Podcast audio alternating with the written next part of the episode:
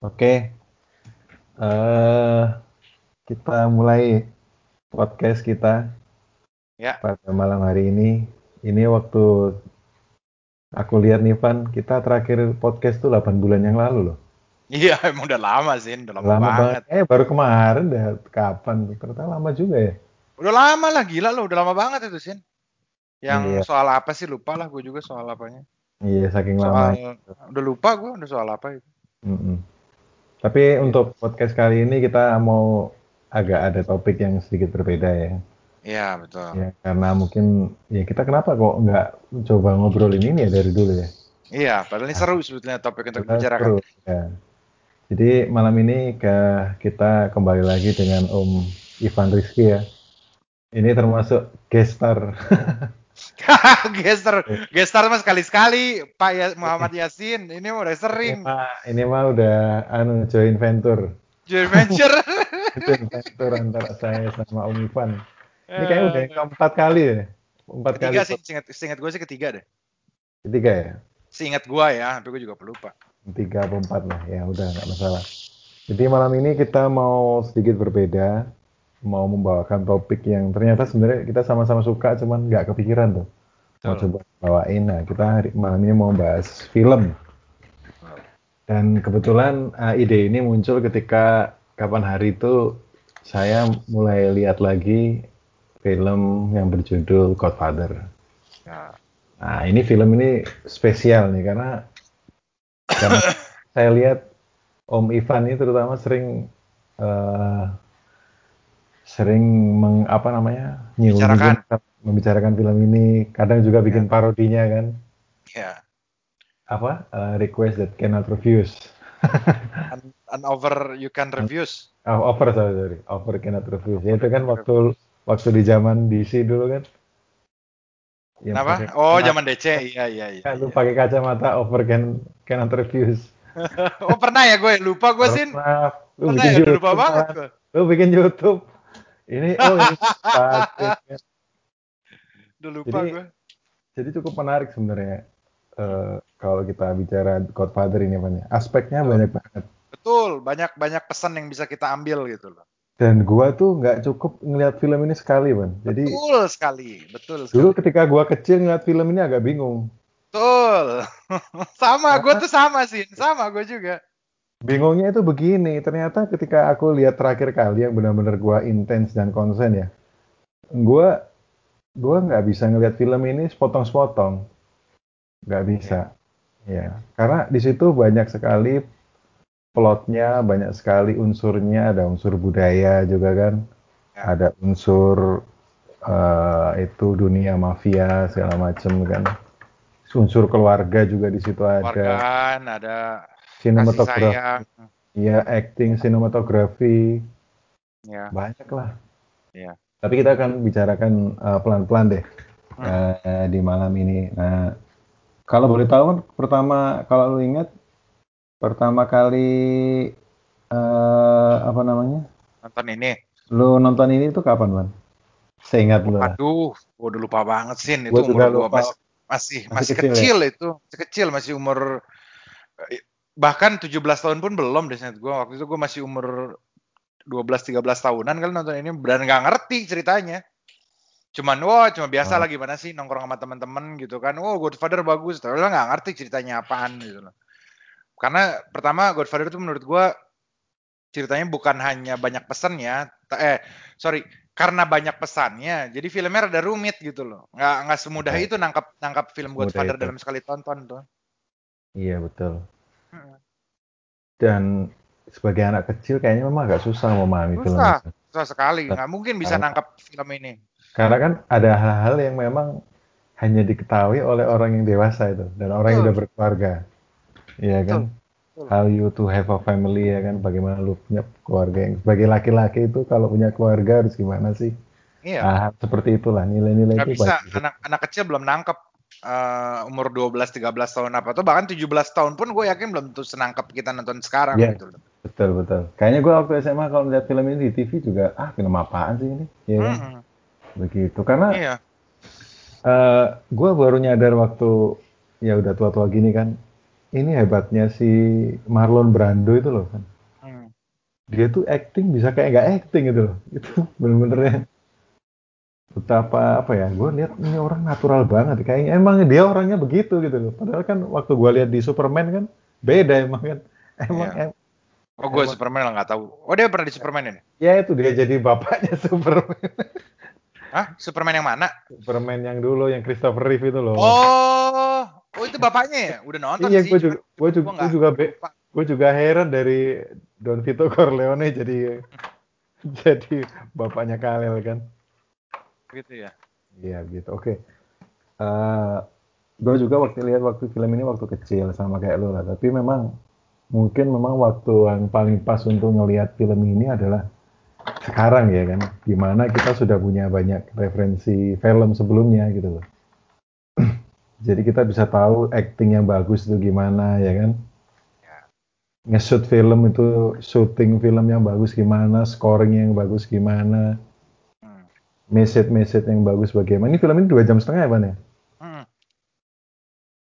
Iya, Lebih dari dua. Pokoknya singkat gue, gue nggak lupa. Gue lupa lah pastinya berapa. Tapi lebih dari dua jam pokoknya ini film. Iya. Mau yang pertama, mau yang kedua, yang ketiga gue lupa. Kurang. Iya. Inilah. Tapi ketika lu lihat sekarang, sebenarnya ke- ketika gua juga lihat sekarang, kesannya memang film ini sebenarnya nggak rumit, man. Nggak rumit sebenarnya. Iya. Kalau udah sekarang nontonnya. Iya, nggak rumit sebenarnya. Ketika lu, tapi syaratnya itu lu harus nonton, lu harus perhatiin film itu terus dari awal sampai akhir kan. Iya. Nggak bisa dipotong-potong ya. Iya. Intinya kan ini kan sebenarnya adegan yang sering banget gua lihat tuh adegan di awal itu kan. Yang si itu merit kan, siapa itu? Iya. Si adiknya. Si ad- anak- adik adik adiknya Michael ya? Eh, kakak. Michael sama anak ketiga, Sin. Oh iya iya iya iya iya. Michael Michael tuh anak ketiga, paling yang ke eh sorry bentar bentar. Michael anak anak bungsu. Michael anak bungsu. Michael anak Kakak bungsu, ceweknya. kakak eh, ceweknya itu kalau nggak salah, aduh gue lupa ya yang kedua atau yang ketiga. Nah Fredo tuh yang keberapa? Nah yang Sony itu yang paling tua pokoknya. Iya iya iya iya iya. Jadi kan terus kan eh, ya itu waktu kakaknya nikah itu kan si bapaknya kan Don Vito kan nerima itu tamu itu kan Ya, yang apa namanya siapa namanya itu Yang mana Eh, nih? yang Oh. tamu itu loh yang anaknya eh, anaknya aduh. dianiaya kalau nggak salah itu ya iya iya iya siapa lah? Gue udah lama udah baru kemarin lagi sih nonton lagi tapi udah udah lupa nama-namanya. Enzo ya, En- eh Enzo itunya ya. Salah salah salah. Iya iya iya, iya. Eh, lupa gue sih nama nama ya orang itu nama orang-orang orang itu kan dan di situ betapa kita melihat tuh bahwa di dunia mafia itu yang kita tahunya itu dunia kok apa namanya penuh hit- dunia hitam lah ya dunia kriminal segala macam tapi di situ gue lihat mafia itu memang sosok-sosok yang sangat mementingkan respect ke orang lain gitu loh ya Iya. Jadi kayak itu kan orang itu kan dia ngomong kamu ini kok ke sini kamu kenal aku ini salah apa kok? Kamu kayak nggak nggak hormat banget sama aku kan? Kamu itu ya. kayak nggak pernah ketemu sama aku nggak mau nemuin aku ya kan? Nggak pernah ke sini ngobrol nggak pernah minta bantuan apa apa kayak kamu tuh takut berutang sama aku. Iya. Gitu. Tapi sekarang kamu ke sini minta balas dendam ke anakmu gitu. Iya. Emang lo, pikir gue siapa kata si si Iya. Vito gitu kan sempet. lo ya Intinya Katanya- gitulah. Terus ngomong kan, aku bersedia bayar berapa aja gitu, biar dapatkan keadilan. Iya. Kenapa kamu datengin polisi, nggak aku dulu? Iya, dia marah. Iya. Tapi itu sih yang bisa ditangkap justru. Jadi salah satu ini ya dari dari cerita pembuka ya dari cerita pembuka Hmm. Godfather 1 ya. Itu bisa ditangkap. Jadi mafia itu semuanya soal duit gitu loh. Soal soal bukan soal duit sih, tapi lebih tepatnya eh lokas eh, ada ada take and take and give-nya gitu loh. Selalu Iya, ada take and give-nya. Ingat nggak lo? Di Lo, ada ada lo. Hmm. Nah, lo lo bantu lo gue bantu lo, tapi lo Iya, juga nanti some, someday gue bakal nagih itu ke lo gitu loh. nggak bisa Iya. segampang itu juga gue ngasih ke lo gitu loh. Itu itu Akhirnya- itu udah udah satu pesan kan sebetulnya bahwa Betul. Vito tuh Vito Corleone tuh eh ya mafia gitu gimana sih? Ya dia Iya. nggak mau nggak mau nggak mau gampang gitu aja. Someday gue bakal minta tolong lagi nanti ke lu dan lu harus mau bantu gua gitu. Ada pesannya di situ juga. Iya, jadi kan sebenarnya sih fair sih, cuman kadang iya kan fair fair. Tapi saklek banget sama mafia tuh. Saklek. Iya, maksudnya sebenarnya kayak kita juga begitu, kayak lu di ini nih di Cirebon nih, di keluarga di keluarga gua nih yang di istri gua yang di Cirebon tuh gua diceritain. Jadi kalau misalnya lu ke Cirebon itu, misalnya ada orang yang datang ke nikahan lo, ngasih angpau misalnya kan. Kan? iya iya iya Dia ngasih angpau lah, itu harapannya nanti kalau dia merit, lu juga ngasih angpau yang minimal sama jumlahnya, Pan. Itu diinget-inget loh. masa sih sampai segitunya Iya, Cirebon itu kayak begitu. Jadi menurut gue sih Gelo. Fair ya apa fair ya? sih fair Fair sih cuman ya gimana gitu kan. iya saklek gue bilang saklek saklek Kan si banget si si Don Vito kan bilang, "Hari ini aku membantumu. Aku Heeh, suat- dan suatu saat mungkin aku butuh bantuanmu. heeh, Tapi mungkin hari itu bisa jadi hari itu juga nggak akan datang." heeh. Ini orang baik banget, asli baik Iya banget. baik, sebetulnya baik. Cuman ya gitulah, saklek gitu. Jadi ya lu jangan kaget juga someday dia minta tolong. Tapi kan pada akhirnya kan, oh itu nanti si cerita akhir. Tapi kan emang bener sih, pada akhirnya kan nanti dikuburin sama dia kan. Iya, Bener gak sih? betul Bener kan? betul. Bener kan dikuburinnya Ya. sama dia kan nanti. Iya, akhirnya kan anu minta bantuan ya waktu si Santino itu kan. Iya, Sony. itu si Sony itu Santino kan gitu kan betul dan eh, betapa apa ya jadi di sini itu hubungan antar manusia itu ya juga harus menurutku yang nilai-nilai yang ditanamin dari seorang mafia ya gue akhirnya dapatnya dari lo tuh harus respect sama orang. Ya kan? Respect itu maksudnya lu ya jaga sopan santun silaturahmi gitu kan? Iya. jangan takut hutang budi kan? Orang kadang kan takut hutang budi akhirnya aduh jangan deket-deket deh sama Don Vito ya kan? Nanti takutnya begitu. Nah itu kan dia. Gitu itu itu halus banget loh istilahnya. Iya. istilahnya dari sisi sisi moral sisi perasaan tuh mafia mafia ini gua rasa orang-orang yang termasuk tajam banget loh masalah pikiran sama perasaan itu kan mereka itu kan Dan dan yang gua tahu ya, Hmm. yang gua sempat sempat research bukan research sih, tapi sempat tahu lah dikit gitu dari artikel atau dari internet gitu dari Google. Hmm. Jadi Godfather tuh bukan sekedar bikin cerita bagus, bukan bikin sekedar bikin cerita gitu, tapi itu udah research scene.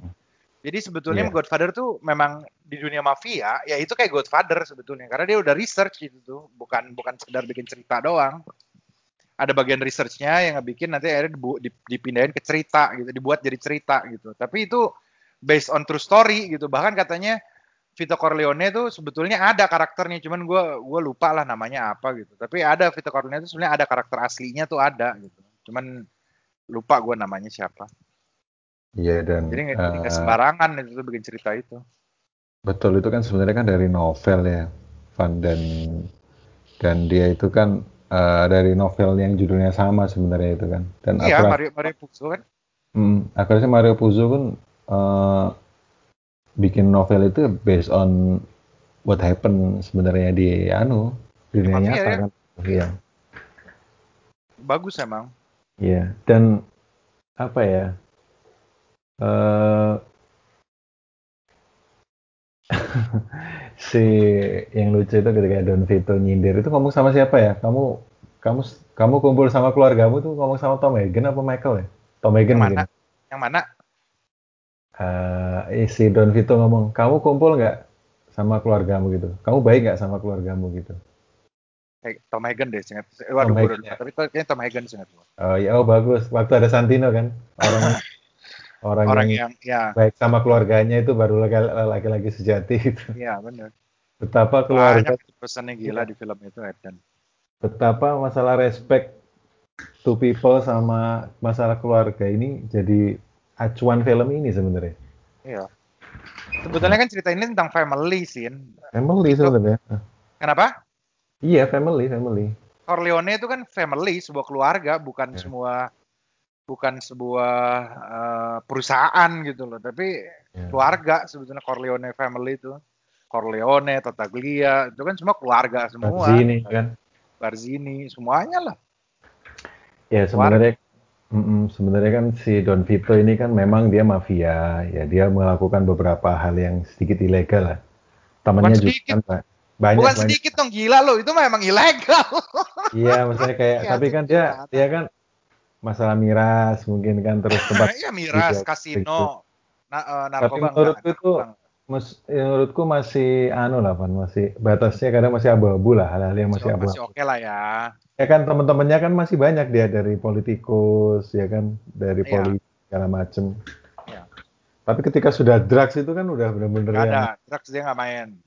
karena dia terlalu ilegal, terlalu anu, makanya dia nolak si Solozo itu kan. Karena kan kalau drugs ini kan terlalu ilegal, ngerti nggak Pak? Iya, Terlalu terlalu berbahaya lah. iya. Karena kalau aku bisnis ini nanti teman-temanku pada kabur, Iya. ya kan? Nggak mau bantuin aku lagi gitu. Ya dia make sense sih, dia cuman nggak pengen yang untung terlalu gede lah, dia cuman pengen semuanya itu stabil lah Don Vito itu. Iya. Keluarganya stabil, Seimbang, seimbang. imbang gitu. Cuman kan kayak Solozo, Tataglia, Barzini, terutama Barzini ini kan pengennya kan untung gede kan. Itu permasalahannya itu. Iya. Soal duit sih, tag, ya makanya gue bilang take and give. Jadi ada ada jadi bisa dibilang materialistis juga sih, bukan materialistis. Soal duit kan soal kalau nonton yang Godfather 1 itu kan waktu si siapa? Ya semua sih semua Godfather sebetulnya. Jadi Iya, kan di, mereka, sama family itu kan. ah, selalu mereka ngomong bahwa this is this is business not personal kata dia. Lo lo, lo ingat deh pasti sering banget mereka Iya, ngomong iya. di di di, Iya. di apa di kalimat mereka gitu, di conversation mereka.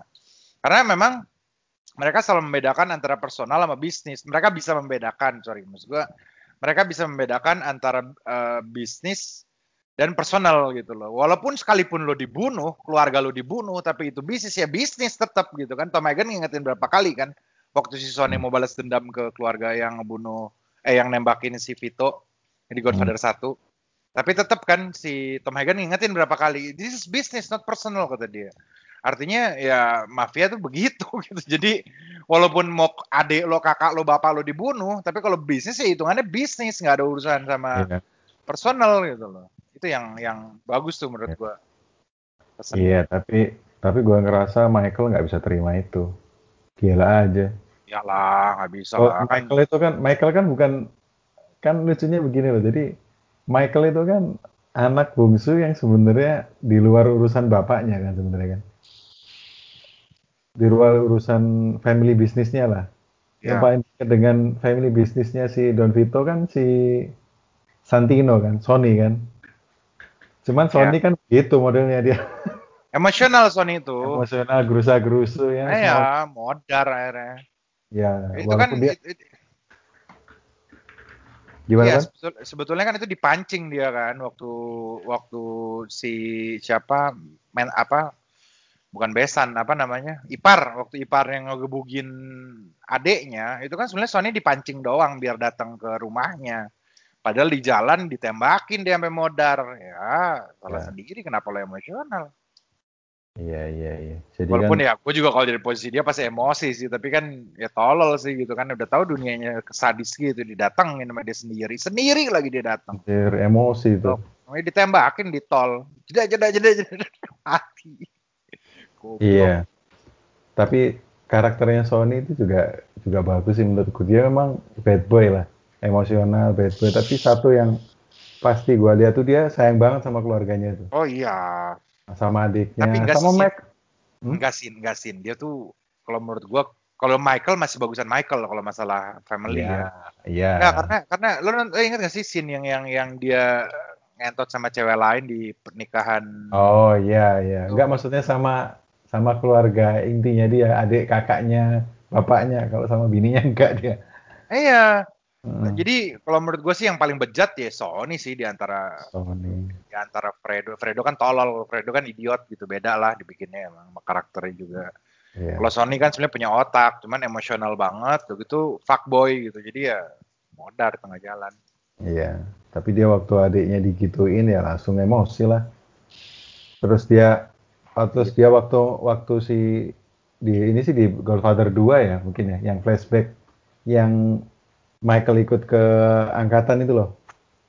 Kan Ke mana? marah tuh nih. Michael ikut angkatan, ikut ke Wamil itu loh. Oh, ha. Iya kan, tapi di Godfather 2 sih ini. Ada cuplikan yang di akhir-akhir itu loh. ha. Kan si Sony marah, kamu kok nggak ngomong bapak sih? Maksudnya nggak merhatiin perasaannya bapaknya kan? Bapaknya kan udah mersiapin, wah buat Michael nih gimana ya? Kan udah ngomong juga sama si Tom Hagen kan? Buat Oh, ini yang yang yang yang Godfather 2, Godfather 2. yang setelah final scene itu ya? Eh, Ya, apa yang setelah credits ya? Mm-mm. Di meja makan kan? Di meja makan. Iya, gitu. iya. Maksudnya kan semua udah disiapin buat Michael tuh biar bisa usaha lah ya kan. Eh mau tahu tanpa konfirmasi langsung ikut hamil kan itu kan kesel juga si Sony itu kan. Iya. Nah gitu. Lagi pula kan Michael kan awalnya sebenarnya ngomongnya dia nggak mau jadi nggak mau ikutan bisnis bapaknya. Ingat Iya. kalau waktu dia masih Iya dia dia cerita ke dicerita ke si kayak Adam itu Ya, Keaton oke gitu. Adams dia bilang enggak itu keluarga saya saya nggak bakal ikutan katanya. Eh nggak taunya dia yang malah jadi bos utama yang gantiin masa, Vito. masa jadi Godfather selanjutnya malah dia.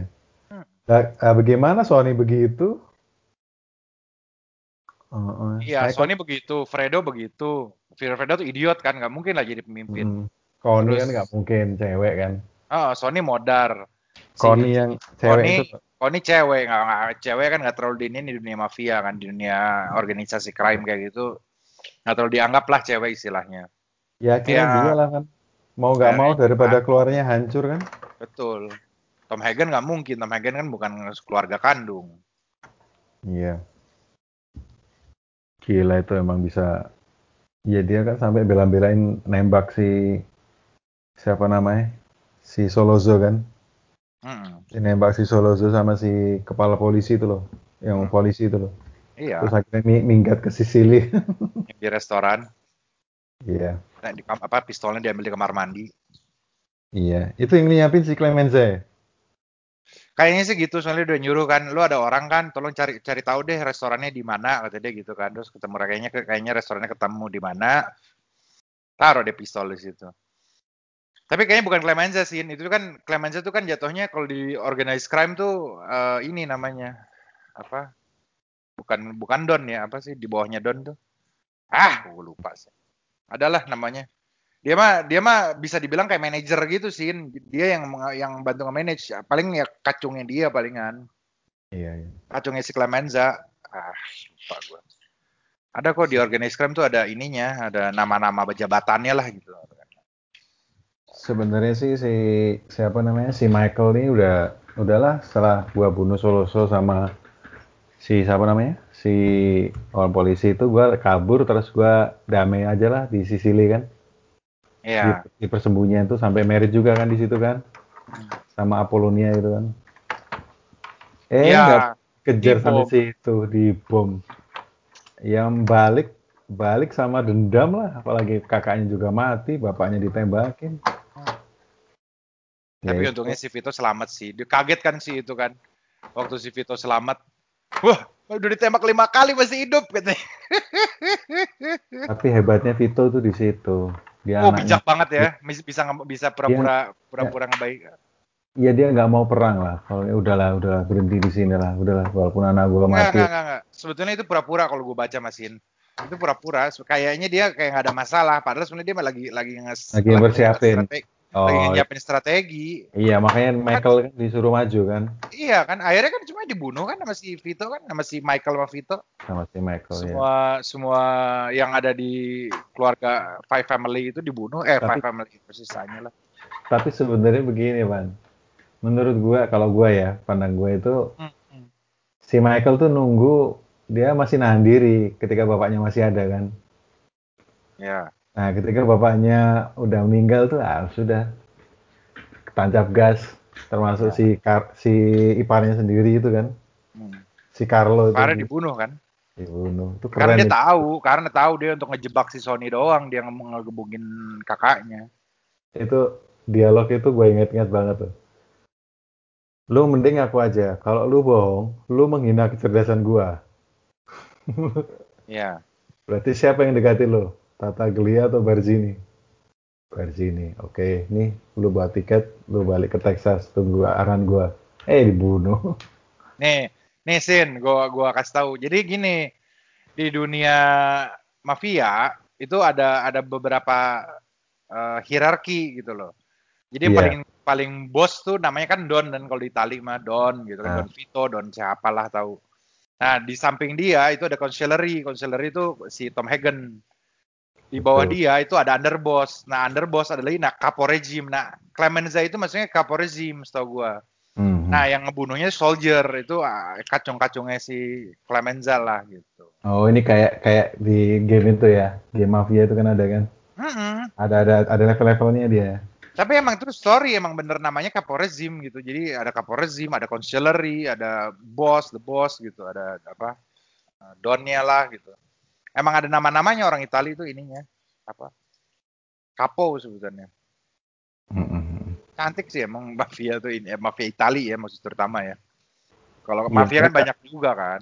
Mereka rapi sih sebenarnya. Mm-mm. Rapi dalam berpikir, rapi dalam ber apa namanya berbisnis, Iya kan? Iya. Rapi dalam membuat hierarkinya dia, ya Iya kan? ber- ber- berstrategi terus Strategi. semuanya elegan, elegan. Nggak kayak di kita, di kita mah ada tuh yang bawa-bawa nama Habib tapi bikin malu. Dan dia pun anu apa namanya sebenarnya mafia ini adalah sebuah jalan keluar lain gitu loh. Jadi ketika polisi, lu ngerti sendiri kan polisi ribet kan urusannya Iya. kan. Ya, Nah, ini kita bisa minta bantuan mafia sebenarnya, tapi ada konsekuensinya. Ya itulah ya, nanti suatu saat lu gua butuh servis lo, lu harus mau nerima panggilan gua kan gitu kan. Hmm. Kayak si itu kan yang Undertaker itu yang kepala kamar mayat itu kan, yang dibantu Iya. dia akhirnya ya, suruh tolong nih dandanin anak gua nih, gua nggak Iya. mau emaknya ngelihat dia kayak gitu. Mm-mm. Dia nggak tega, dia sampai nangis kan si Vito waktu ngeliat Sony iya. mayatnya Sony kan.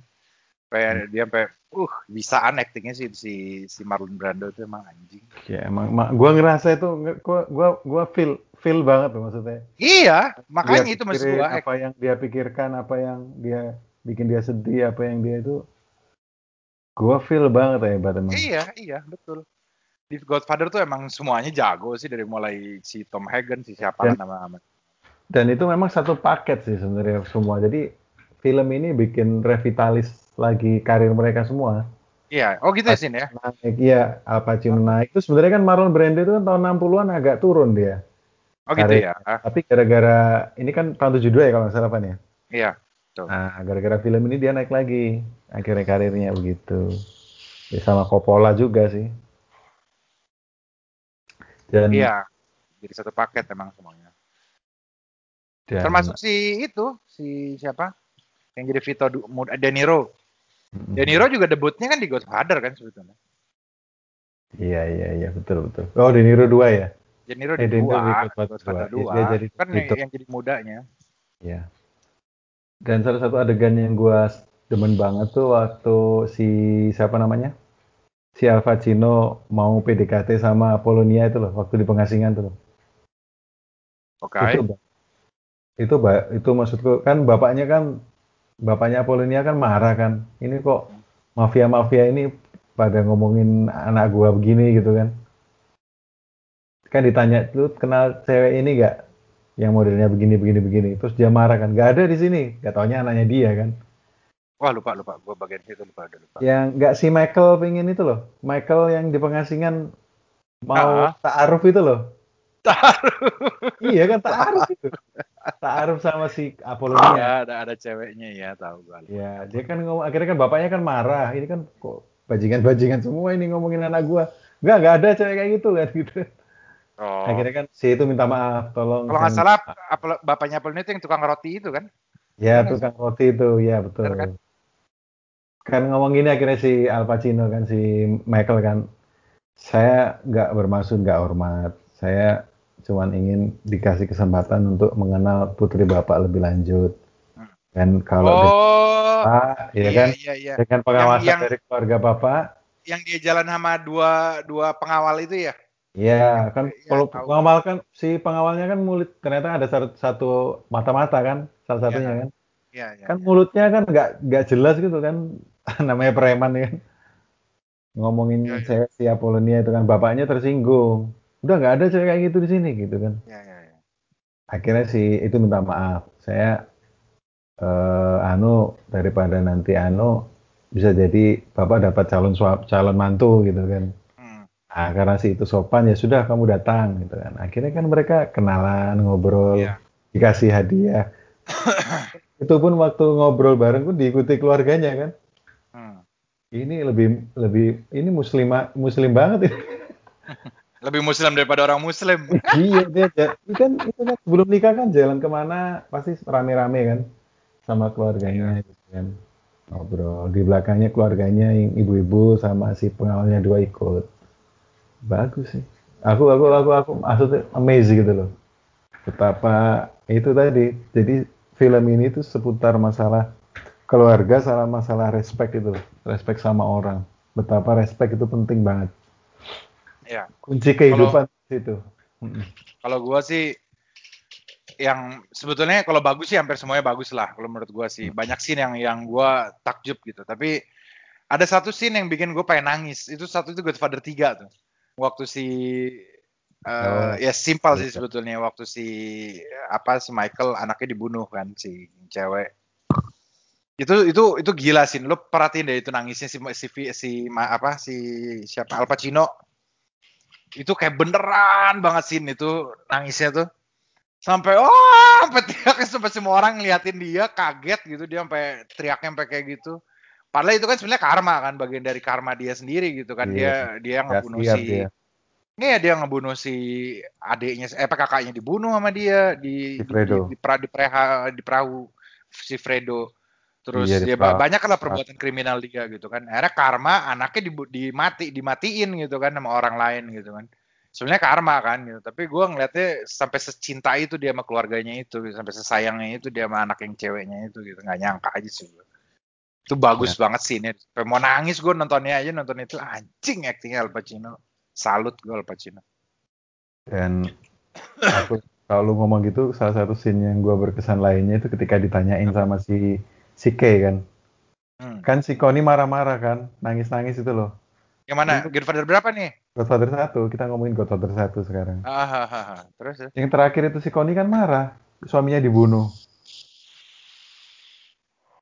Ada, Oh, kakaknya itu loh marah kan, eh Michael kau jahat sekali, kau bunuh iya iya iya. iparmu iya. sendiri. Lihat ini Kay, so, ini yang benernya suamimu nih jahat begini kan. Hmm. Akhirnya kan si si Kay tanya, bener kamu bunuh itu? Kay kan nggak pengen kan si siapa? Si Michael ini jadi orang jahat gitu loh. Karena Ya. sebelumnya kan kamu bukan nggak mau ikut bisnis bapak eh pengen jadinya pengennya kuliah jadi tentara setelah itu ya kan? Hmm. Gitu. Jadi akhirnya oke, akhirnya sampai teriak kan si Michael. Hmm. Oke, gua kasih kesempatan ini, gua jawab cuman sekali ini aja. Ditanya lagi sama Kay, kamu bunuh kamu bunuh si Carlo nggak? Dia Tetap jawab, bilang enggak. Enggak, itu brilian banget itu. Itu brilian banget. Anjing itu bener Michael Corleone itu bener-bener. Tapi, tapi memang begitu, Pan. Apa Oh namanya? iya. Laki-laki Iya tuh harus dong. begitu, harus bisa Iya. jaga keluarga tetap kondusif, bisnis bisnis Iya. Iya, harus dipisah makanya itu. makanya keren, mas gue tuh keren gitu. Dia tetap dia tetap dia tetap kekeh gitu bahwa enggak gue nggak ngebunuh gitu. Sama kan yang waktu Fredo juga dia sama, dia bilang enggak gue nggak ngebunuh Fredo. Padahal sebenarnya ngebunuh dia. Iya, jadi apa pun yang terjadi sebajingan-bajingan gue, gue tetap harus jaga keluarga gue utuh. Intinya begitu. Iya. Dan tanggung jawab sih. Tanggung Dia kan dia kan semua tanggung jawab sih apa yang mereka lakukan gitu. Nggak, nggak asal bunuh-bunuh aja. Mereka mikir resikonya apa, terus apa yang bakal feedbacknya apa ke mereka kalau ngebunuh Hmm. misalnya si orang ini gitu. Gua ngeliat bagus ya emang Godfather gila sih sebenarnya. Salut. Dan eh, oke kita tadi kita udah bicara panjang lebar terkait plot ya. Hmm. Ah, sekarang masalah acting nih, man. Ini Wah, gua kurang ngerti kalau kayak gitu-gitu. enggak enggak. Kita kita bicara Kenapa, sebagai orang awam, bicara sebagai orang awam aja sebenarnya. Oh, oke oke. Gue melihat yang tadi gue ulangin yang omongan gue tadi. Gue melihat salah satu yang spesial dari film ini ya dua itu, man. Yang pertama itu si Michael, tapi yang paling spesial menurut gue ya si itu, Itu lah. itu Corleone itu orang Iyalah. acting kok bisa kayak enggak acting ya jadi kayak orang jadi itu mungkin aktor bagus tuh begitu ya itu kata katanya yang waktu di ada scene awal tuh si ku- kucing ada kucing yang itu kan nggak ada sebenarnya di skrip itu. Jadi ada kucing datang terus diambil sama dia kan. Tapi yang lo tahu, lo tahu gak sih? Dia tuh selama acting itu kan sebenarnya pakai kapas sih mulutnya. Oh, biar kelihatan kayak kayak orang. Biar mulutnya tuh rada rahangnya rada tebel gitu. Iya, itu, jadi itu dia pakai tuh pakai kapas itu. Bukan Jadi bukan tuh- rahang aslinya dia. Jadi kesan gua ngeliat dia itu dia kayak pernah stroke gitu kan.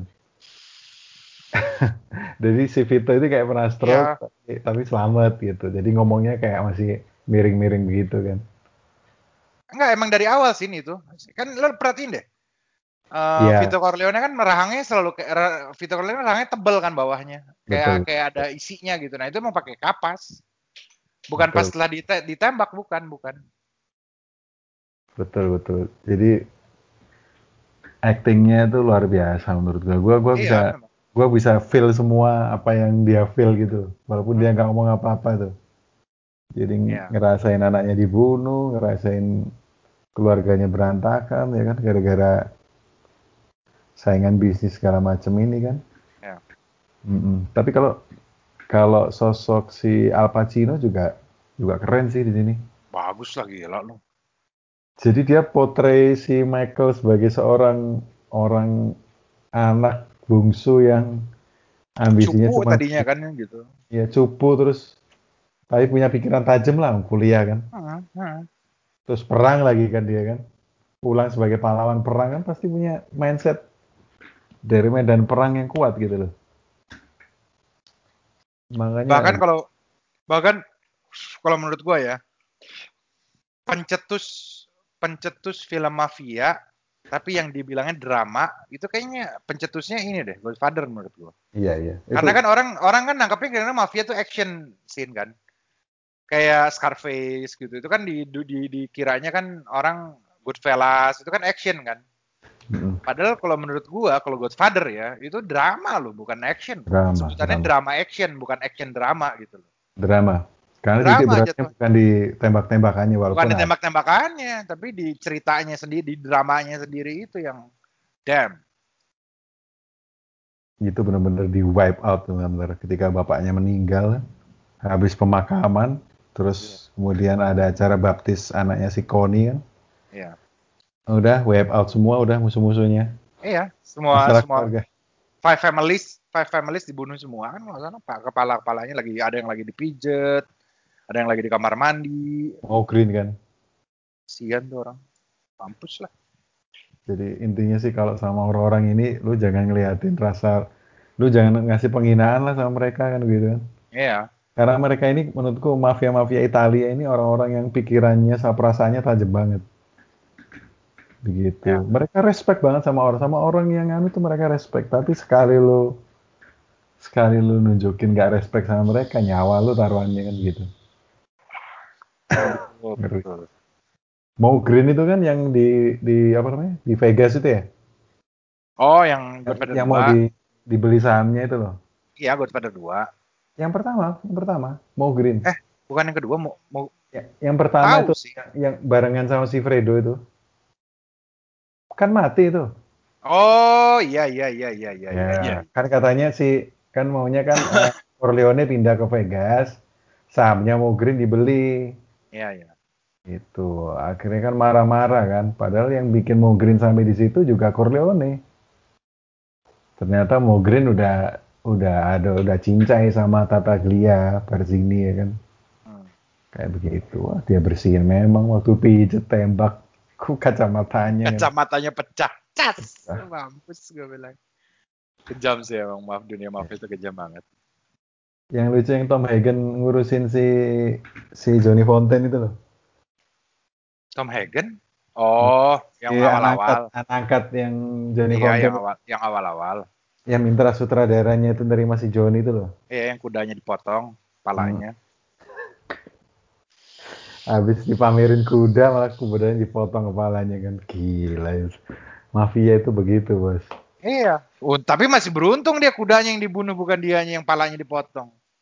Iya, jadi jangan kalau sama mafia itu mereka sudah sopan tuh jangan balas nggak sopan sama mereka. Pasti ada yang kepot, pasti ada yang kepotong atau ketembak lah. Parah. Tapi secara garis besar sih yang menonjol memang ya itu sih menurut gua. dua itu ya, Vito sama si Michael. sama si Michael. Yang Kar- lain karakter tuh karakter utama. Mas sebetulnya Tom Hagen sih kalau dari yang ke- pertama sama kedua tuh menurut gua ya. Yang lain tuh udah sekumpulan orang Italia semua lah. Iya. Ya, yang lain sih pembantu lah misalnya. Iya, Italia totok. Hmm. Iya, ternyata Otaknya sih otaknya di Michael sebetulnya kalau menurut gua otaknya lebih ke Michael sih sebetulnya. Vito tuh ya istilahnya ngebukain pintu lah gitu. Tapi otak utama dari cerita The Godfather 1 sampai 3 tuh Michael sebetulnya. betul betul. Nyeritain Al Pacino. Tapi gue ingat omongannya Vito tuh waktu sebelum meninggal itu loh. Lu Apa? nanti lu nanti akan diundang sama Oh iya iya iya iya iya. nanti dan di situ lu akan dibunuh. Sekarang lu perhatiin siapa nanti dari teman-teman kita yang nemuin lu terus ngusulin pertemuan itu. Nah, itu pengkhianatnya. Pengkhianatnya katanya. Iya. Nah, itu sama kayak Tesio itu. Oh. Si Tesio ternyata kan. Hmm. Nah, iya. Akhirnya dibantu. dibunuh kan akhirnya kan. Tapi nggak ditunjukin matinya kenapa. Kayak mati lah. Pasti mati. Akhirnya dia mohon sama Tom Hagen kan. Tom, tolonglah. Dari masa-masa dulu kan. Iya. "Ah, sorry gue nggak bisa nolong. Ya gimana lu sendiri cari masalah kan. Berkhianat. Hmm. Si Tom Hagen duduk aja. Sorry gue gak bisa nolong gitu. Ya kan udah bukan kon konsie, kau apa, konseliere lagi kan. Oh itu kan Iya. masa-masa perang. Ya, ya. Pokoknya yang jelas waktu si siapa tadi namanya? Eh, Hmm. Siapa tadi namanya yang tinggi tinggi banget orang aneh itu mukanya? Oh Tesio, Tesio. Tesio. Pokoknya waktu Tesio mau dibunuh, mau dibunuh, pokoknya jadi di situ tuh kelihatan loh sin eh, bahwa di dunia mafia itu kalau lo udah berkhianat itu urusannya mati. Itu namanya Betul. di itu tuh namanya di dunia mafia tuh eh, bukan bukan ma ah gue lupa lagi. Ada sebutannya eh oh ah. Ah shit gue lupa lagi ada. Ya pokoknya itulah. ada lah jadi jadi di dunia mafia tuh kalau lo udah dalam bagian orang itu keluarga itu terus lo berkhianat itu urusannya udah pasti mati.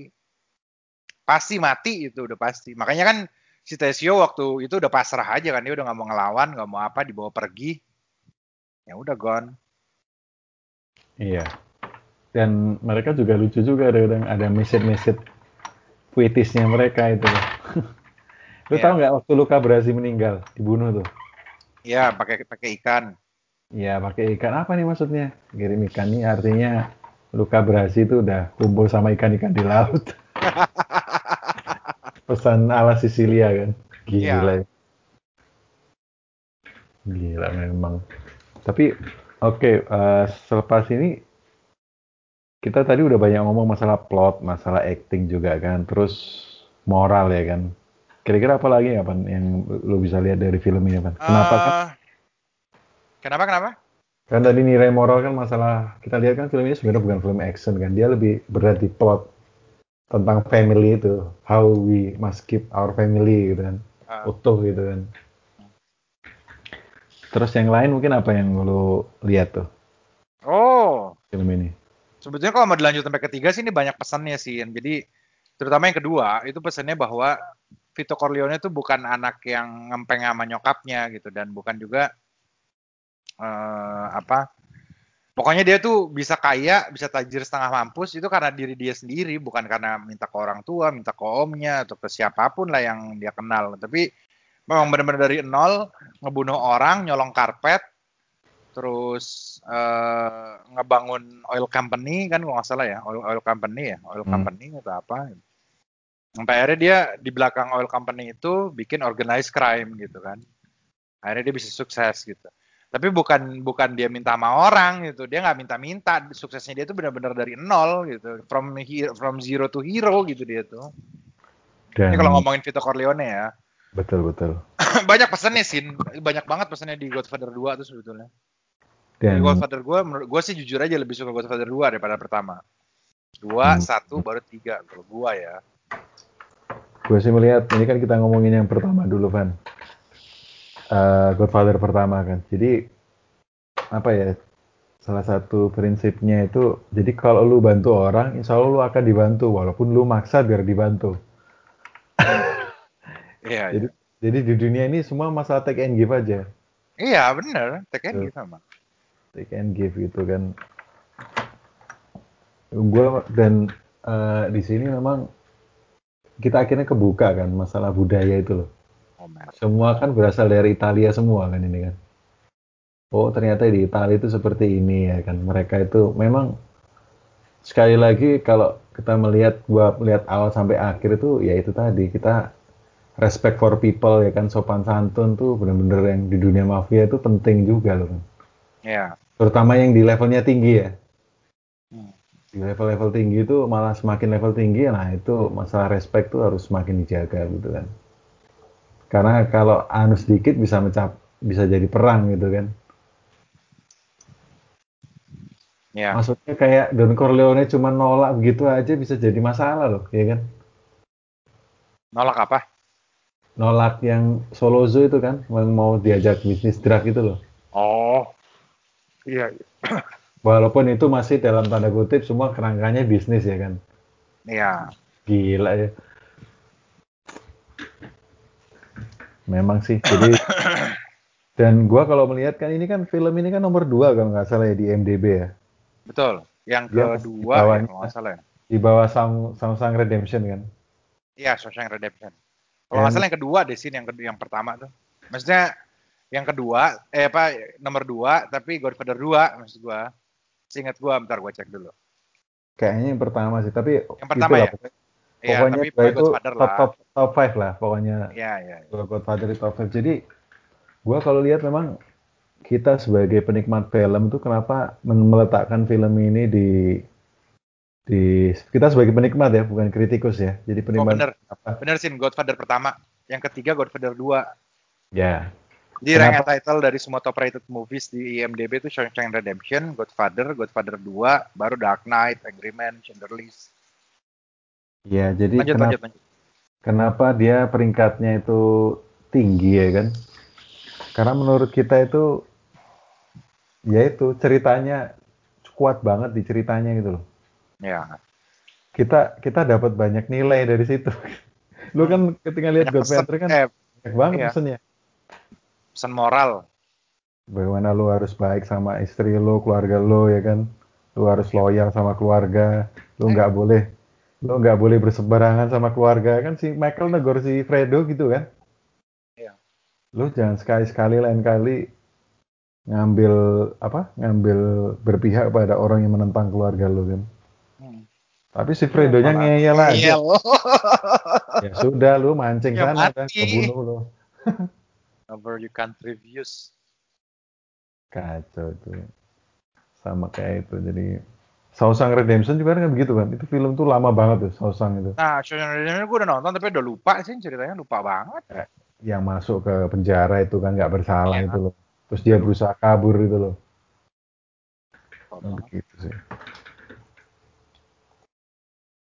Kalau dari sisi sisi sinematografi ya gue sih nggak begitu paham ya tapi Enggak, enggak, gue gak paham. tapi tapi ketika kita melihat caranya mereka nyuting itu kan bener-bener yang vintage gitu loh sesuai dengan tema filmnya gitu kan itu kan tahun-tahun 50-an kan tahun 40-an Iya. 50-an selepas pokoknya kan selepas perang dunia kan si itu pulang dari perang si Michael kan Iya. Nah, Dan begitu. dan ingat loh dulu tuh belum ada CGI CGI kan belum ada yang pakai green screen gitu belum ada dulu benar-benar semuanya teknik teknik teknik ini semua teknik apa ya teknik Hollywood lah iya iya iya. semuanya belum ada CGI belum ada green screen belum ada 3D belum ada eh, apa pun lah software-software ada Photoshop eh apa ada Premiere Pro belum ada dulu mah betul Gila. betul Hebat. Dan- dan hebatnya memang film ini juga menyajikan dua sisi ekstrim gitu. Jadi satu sisi lo melihat orang-orang yang berdiplomasi, ya kan sopan-sopan, tapi di satu sisi lo lihat orang yang main bantai-bantai tembak kepala. tapi tetap elegan sih tetap elegan walaupun Iya, cara cara yang cara yang sadis mereka walaupun sadis gitu tapi elegan caranya gitu. Maksud gua gimana ya? Kan mereka melakukan pembunuhan five families itu kan di akhir doang kan setelah mereka yakin bahwa pembunuhnya tuh apa peng- pengkhianat itu si ini si ini si ini si ini si ini gitu. Baru dibantai semuanya jadi masih elegan kalau menurut gua sih nggak yang di depan pakai goblok goblok fuck fuck fuck kan nggak gitu kan masih rapi sih menurut gua sih Walaupun ya mafia, ya namanya juga dunia mafia mau gimana, masa mau cium-ciuman kan nggak mungkin juga lah. Betul betul. Dan apa ya, gue susah nyari kekurangan di film ya sebenarnya. Iya, betul. Salah satu salah satu kekurangan ini, ya salah satu kekurangan ini film mungkin ya tadi gue sebutin tadi. Jadi itu kalau ngeliat film ini sepotong, lu akan pusing. Iya. Tapi Lu itu sih bukan lihat- kekurangan sih, itu mah. Bukan, bukan, bukan. Bukan kekurangan itu mah. Tapi kan lu kan ada film-film yang lu lu lu kelewat beberapa scene udah paham kan ini sebenarnya Iya. maksudnya. Bahkan endingnya kan anu ketebak. Kalau ini kan nggak nggak sebetulnya nggak ketebak juga endingnya. Kalau ini gua nggak ngerti. Jadi memang lu harus benar-benar konsen dari film itu baru baru ngerasa oh memang sebenarnya simple film ini. Ini tapi lu harus fokus gitu. Baru bisa enjoy film ini sepenuhnya begitu. Karena kalau Iya. gua pengalaman gua sepotong-sepotong nggak bisa Nggak bakal ngerti. gua- Misalnya- gua- Mhm. Ini ini untuk pertama kali nonton ya, bukan yang udah berkali-kali ya. Tapi untuk pertama kali nonton, kalau lo nontonnya misalnya di, di Netflix atau di mana pun lah, lo nonton 30 menit dulu, habis itu 20 menit lagi, habis itu nanti kapan lagi santai nonton lagi, susah ngerti film ini, percaya sama gue. Iya, lu lu Susah. enjoy enjoynya juga setengah-setengah. Paling Tengah enjoy, oh oh bagus banget nih aktingnya si Marlon Brando paling begitu kan. Iya. Oh mafia tuh begini paling begitu. Nah, gitu. Jadi menurut gua anu lah eh, bener-bener yang experience yang ya ya wajar sih kita taruh film ini tinggi banget kan. Iya. Baik dari sisi IMDb, sisi sisi Semua penikmat film, sisi Semua. kritikus juga naruhnya tinggi banget film ini. Tinggi banget, nggak ada yang menyepelekan film ini kok. Nggak Iya. ada satupun One kritik. of the best movie of all time lah. Eh, ya, of all time, betul. Iya, kalau kalau kalau lu mungkin sampai ke kita udah sampai ke konklusi akhir mungkin ya. Iya. Kalau lu ngasih film ini 1 sampai 10 di angka berapa, Pan? Ya, gue sih nggak nggak mau yang muluk, maksudnya nggak mau yang neko-neko juga, tapi ya sembilan lah dari gue sih. Kalau Iya. Godfather satu, kalau Godfather satu menurut gue ya delapan setengah lah, tapi untuk Godfather Iya. dua sembilan, Godfather tiga delapan lah menurut. Betul, betul. Gua ngasih film ini di IMDb 9. Iya, memang memang bagus. 9, 9, bagus. Jadi karena film bagus itu kan kalau kita salah satu indikatornya kan jadi setelah lu lihat film itu lu masih kepikiran kan Iya, betul. dan lu berusaha ngait-ngaitin oh ini oh ini ternyata nilainya di sini oh ternyata ini ada maksudnya begini ada maksud begini oh ini yang mau pesan-pesannya begini begitu kan Bahkan lu tau nggak Metascore ngasih nilainya berapa sih? Metascore tau Metascore nggak? tahu tahu tahu Metacritic Metascore. Ah, ah, Metascore. 100 coy. Anjing. Hampir semua kritikus ngasihnya 100. Austin Chronicle, uh, Margin lah. Real Views, Chicago Sun-Times 100, San Francisco Chronicle 100, New York Times 100, Gila. Washington Post 100, semuanya 100 gila. Gila. Dan gila bener-bener. Cing. Iya. Harusnya Dan- kita ngomongin ini dari dulu sih, Sin telat. Filmnya Iya. dibuat di tahun 72, kita ngomonginnya baru 2021. Dan setiap lu menonton film ini pasti ada hal baru yang lu dapet. Gua berkali-kali tuh nonton, eh ini ada begini ya, ada message begini ya. Terus Iya eh, makanya. eh, ini si si Apollo dia PDKT sama Apollo ini bagus banget gitu kan sama summernya kan. Makanya gue bilang juga film ini tuh rada bukan rada, film ini tuh rumit sih, nggak bisa ditonton dengan anak yang masih Sekali umur bisa. Iya. 17 tahun pun aja nggak bisa nonton ini, nggak bakal ngerti. Tapi sekali kan- lu dapat, mm, Ini kan masalahnya ah, banyak banyak pesan yang bisa diambil gitu loh. Jadi filmnya pasti rumit, udah pasti itu. Dan dan eh, apa ya itu banyak banyak apa ya banyak kategori yang bisa diambil gitu. Dari mulai dra- eh, dramanya ada tentang ke per- apa percintaannya ada romansnya tentang pe- kekeluargaannya ada tentang, Tentang actionnya konflik. pun ada konfliknya aja. politik politiknya pun ada gitu. Jadi semuanya lengkap ini film. Gila ya ada film kayak gini. Cuman satu yang ada di film ini ya bokep nggak ada aja bokepnya cuma cuma waktu si Sony ngentot doang ya paling saya emang nggak ada nih film bokep Eh, jangan salah, ada waktu si itu Gimana? malam, pertama. Si Si Michael. siapa di Michael. Godfather 2 Godfather satu, Michael. emang diliatin detail Hai. Gua gua screenshot ya. nanti nanti telegram Lu gue lihat deh. lupa eh masih apa yang gue gue Aduh, gue itu udah nonton berkali-kali ini ada emang Yang gue yang gue ini cuma bagian Sonic. aja. Coba lu lihat, lu lihat, lu lihat waktu dia married tuh sama si Apollonia tuh. Ada. Oh, Apollonia. ya, gue ya, pikir sama si Adam, tahu gue yang topnya kelihatan kan. Si Adam kan enggak, Iya. Dan Keaton gila, masa sama Dan Keaton. Iya, iya, iya. Yang toketnya kelihatan kan si Papu Apollonia kan? Hmm, ya paling gitu. Iya, udah nonton. Iya, tahu.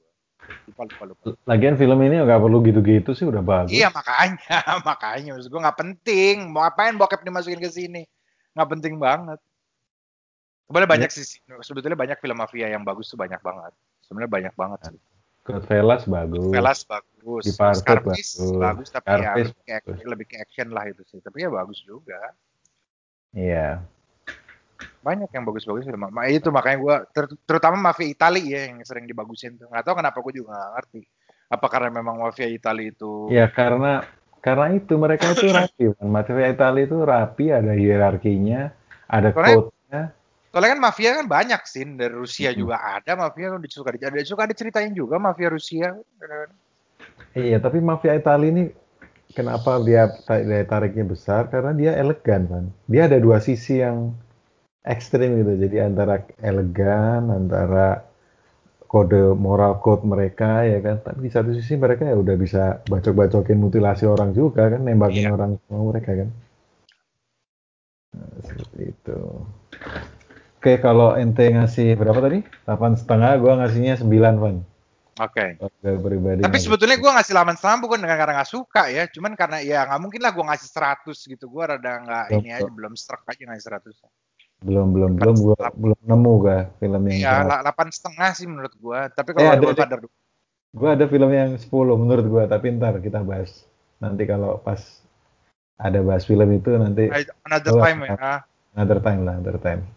Ya ini kan subjektif sih, nggak masalah. Ente ngasih berapa juga masalah. Iya, iya. Ya, Oke sih. Pak, ya sih. Oke, ada lagi mungkin tambahan terkait Godfather ini mungkin atau Eh, pesan buat yang dengerin yang lain tuh. Mungkin ada orang yang lagi dengerin. ya pokoknya menurut gue sih kalau mau nonton ini ya itu bener lu. Jangan dipotong-potong. Kalau bener-bener mau nerima cerita pesan moral di film ini bener-bener 100% ya nontonnya juga lo harus 100% jangan 20% 30% 40% gitu ya. Nggak dapat semuanya. Kedua lo harus fokus nontonnya. Bener deh. Kalau lo nggak Iya. fokus sambil makan sambil main handphone nggak bakal ngerti nonton film ini ketiga Oh, ya lo harus cukup umur kalau nggak cukup umur ya itu sih kesalahan lo sendiri nggak ngerti nonton film ini gitu aja Betul, betul. Dan gue senengnya sama si Coppola kan ya. Gue gua gua nambahin Ya. dikit. Francis Ford Coppola ini kan orang yang sangat sangat teram- berambisi dengan detail kan. Hmm. Jadi Oh, gitu banyak ya? detail, detail di filmnya itu yang keren menurut gue waktu nikahnya si Connie ya kan, waktu di Sicily ya kan. Eh, Terus Oh. kan, lo tahu nggak yang di film Bram Stoker Dracula itu? Nggak, nggak tahu. Kenapa? Jadi itu kan su- sutradaranya juga Coppola. Jadi si siapa namanya si Keanu Reeves sama si Winona Ryder ini di, dinikahkan di situ dengan dengan pendeta adat Rumania gitu kan. Dan itu ternyata dinikahin beneran tuh kan. Pendeta Oh. beneran itu. Walaupun cuma scene di scene di film ya.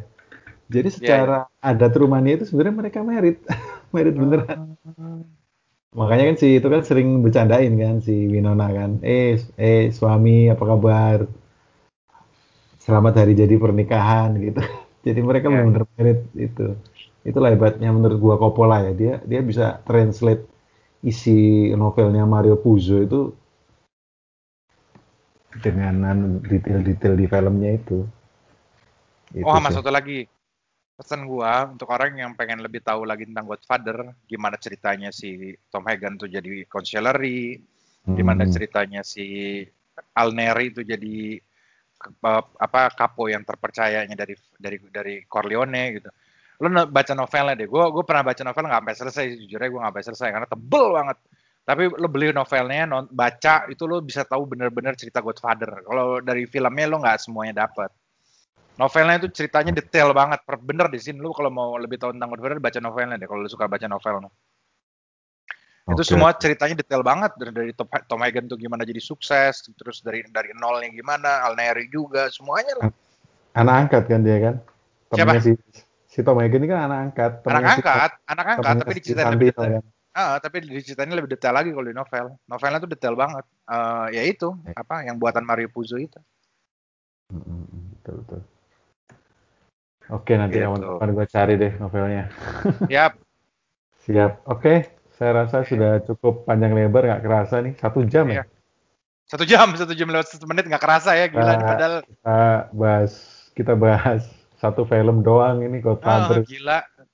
Memang Seru sih ngomongin ini emang. Seru sih karena aspeknya banyak banget tuh. Mungkin ada yang masih belum kita bicarakan ini, tapi ya kita kita simpan lah nanti untuk nanti karena Iya, ini kan nanti. udah satu jam. Nanti mungkin nanti di kesempatan yang lain kita bisa bahas eh, film yang lain Van. Film-film Iya, yang siap. bagus-bagus dulu lah, yang Siap, bisa siap, jadi bisa jadi rekomendasi buat yang dengerin mungkin kan.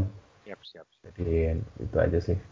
Oke, bila udah nggak ada lagi yang mau disampaikan, mungkin itu aja dari saya sama Om Ivan.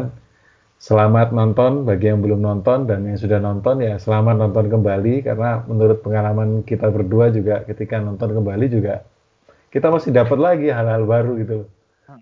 Yang mungkin kita itu saking hebatnya sebuah film itu kan setiap kita nonton lagi, nonton ulang, kita dapat hal-hal lain yang bisa jadi nilai atau bahan pelajaran buat kita semua ya. Film yang bagus kan gitu, ngasih Iya. pelajaran buat kita. Oke, terima kasih Om Ivan. Sama-sama Pak Yasin. Nanti kita sambung di kesempatan lain, mungkin bahas film yang lain. Yap. Mungkin gitu aja dari saya. Eh, selamat malam, kita akhiri podcast ini.